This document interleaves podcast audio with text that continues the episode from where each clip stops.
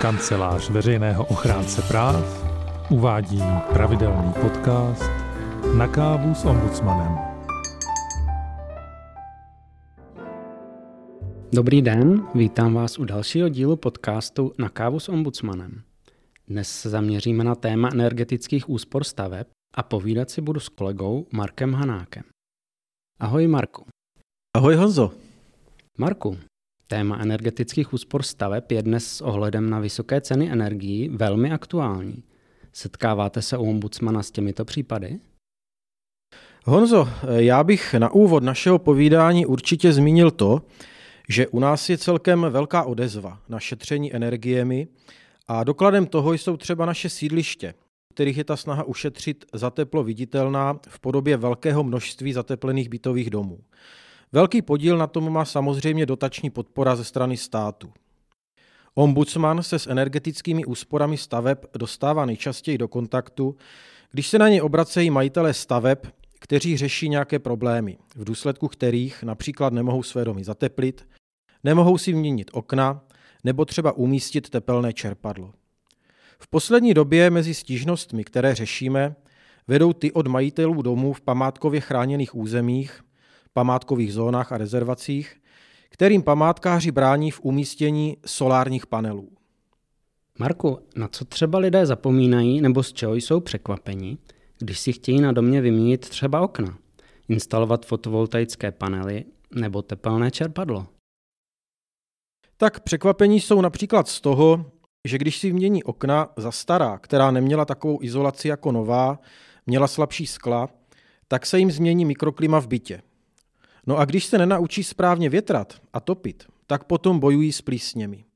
V poslední době, jak lidé začali více šetřit, tak méně větrají a topí, proto nám zase narůstá počet stížností na výskyt plísní v bytech. A co v takových případech lidem radíte?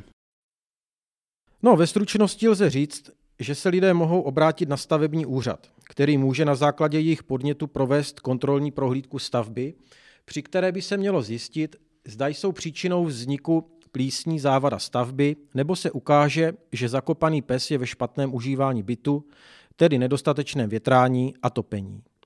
Důležité je, že v případě prokázání závady stavby, například zatékání, špatná izolace proti zemní vlhkosti, by měl nápravu zjednat její majitel. Protože těch případů je poměrně dost a víceméně se opakují, připravili jsme pro lidi leták, kde najdou všechny potřebné informace. Leták je dostupný na našich webových stránkách. Marku, zmínil si tepelná čerpadla. S nimi jsou jaké problémy? Problém může vzniknout, když v rámci projednávání tohoto stavebního záměru, který je zpravidla součástí nějaké stavby, když sousedé podávají námitky, ve kterých požadují dodržení odstupu od hranic pozemku, případně se obávají hluku z provozu čerpadla. Tyto námitky pak musí posoudit stavební úřad. Stížnosti na hluk řeší hygiena, která může provést měření hluku z provozu tepelného čerpadla. Další věcí ale je, jestli je vůbec pro danou stavbu instalace tepelného čerpadla vhodným řešením. V případě, že jde o starý dům, který není dostatečně zateplený, má stará okna, dveře, kterými profukuje, nemá izolaci podlah a stropu, je instalace tepelného čerpadla neefektivní. Ale na to by majitele nemovitosti měla seriózní instalační firma předem upozornit. Teď jsou velkým hitem fotovoltaické panely. Říkal si, že i u nich se mohou lidé potýkat s řadou problémů. Mohl bys ty nejzásadnější posluchačům srozumitelně popsat? Ano, pokusím se. V první řadě je třeba si uvědomit, že jde o elektrické zařízení, které má bezpečnostní nároky jak na instalaci, tak na pozdější provoz. Je to zkrátka zařízení pro výrobu elektrické energie a jako k takovému k němu musíme i přistupovat a uvědomovat si, že je třeba zajistit bezpečný provoz tohoto zařízení. Například splnit podmínky požární bezpečnosti. To je první věc. Další věc je, že i přes nedávno schválené úlevy z hlediska povolování fotovoltaických panelů, z hlediska energetického a stavebního zákona jsou situace, kdy bude nutné, aby se úřady k umístění solárních panelů vyjádřily a v některých případech nebude možné fotovoltaiku na stavbě či pozemku vůbec umístit. To jsou případy, kdy s umístěním nesouhlasí památkáři z důvodu narušení hodnot památkového území. Dalším případem, který jsem nedávno řešil, byl případ umístění mobilního domu a solárních panelů na pozemku, který byl ale podle územního plánu v nezastavěném území a z části do něj zasahoval územní systém ekologické stability.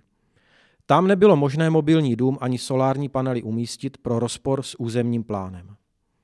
A co v takových případech lidem radíte? Vždy radíme lidem, aby se nespokojili s informacemi z médií a internetu a předtím, než se rozhodnou k instalaci solárních panelů, projednali věc předem na stavebním úřadě, případně s památkáři, pokud ví, že jejich dům je památkově chráněný nebo je v památkově chráněné zóně či rezervaci, případně v ochranném pásmu. Mohou být totiž velmi nepříjemně překvapení, že ačkoliv jejich záměr fotovoltaiky na střeše domu splňuje požadavky právních předpisů na instalovaný výkon, nyní je to do 50 kW, kdy není nutná licence energetického regulačního úřadu, což je jedna z podmínek pro provedení stavby ve volném režimu, to znamená bez posouzení stavebním úřadem, nemusí se ale vejít do ostatních parametrů stanovených stavebním zákonem. Může jít například o rozpor s územním plánem, stavba v nezastavěném území v nezastavitelné ploše, zásah do nosné konstrukce stavby, změna v užívání stavby, stavba na kulturní památce nebo v památkově chráněném území. Marku, a co bys řekl na závěr k energetickým úsporám staveb? Majitel nemovitosti by si měl nejprve ujasnit, jaká opatření chce provést a zároveň zvážit, jsou-li tato opatření vhodná na jeho stavbě. Ke každé stavbě je třeba přistupovat individuálně, podle její velikosti, materiálu, stáří a provozních vlastností a nároku na spotřebu energií.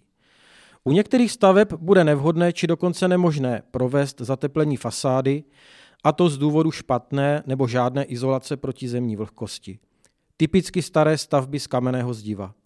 U nezateplených staveb zase nebude vhodná instalace tepelného čerpadla. Proto je dobré se o možnostech řešení energetických úspor stavby předem poradit s odborníky, kteří navrhnou řešení podle typu a stavebně technických vlastností konkrétní stavby. Marku, děkuji moc za zajímavé povídání a těším se zase někdy u mikrofonu na další setkání. Honzo, já ti také děkuju a všem posluchačům přeju hezký den.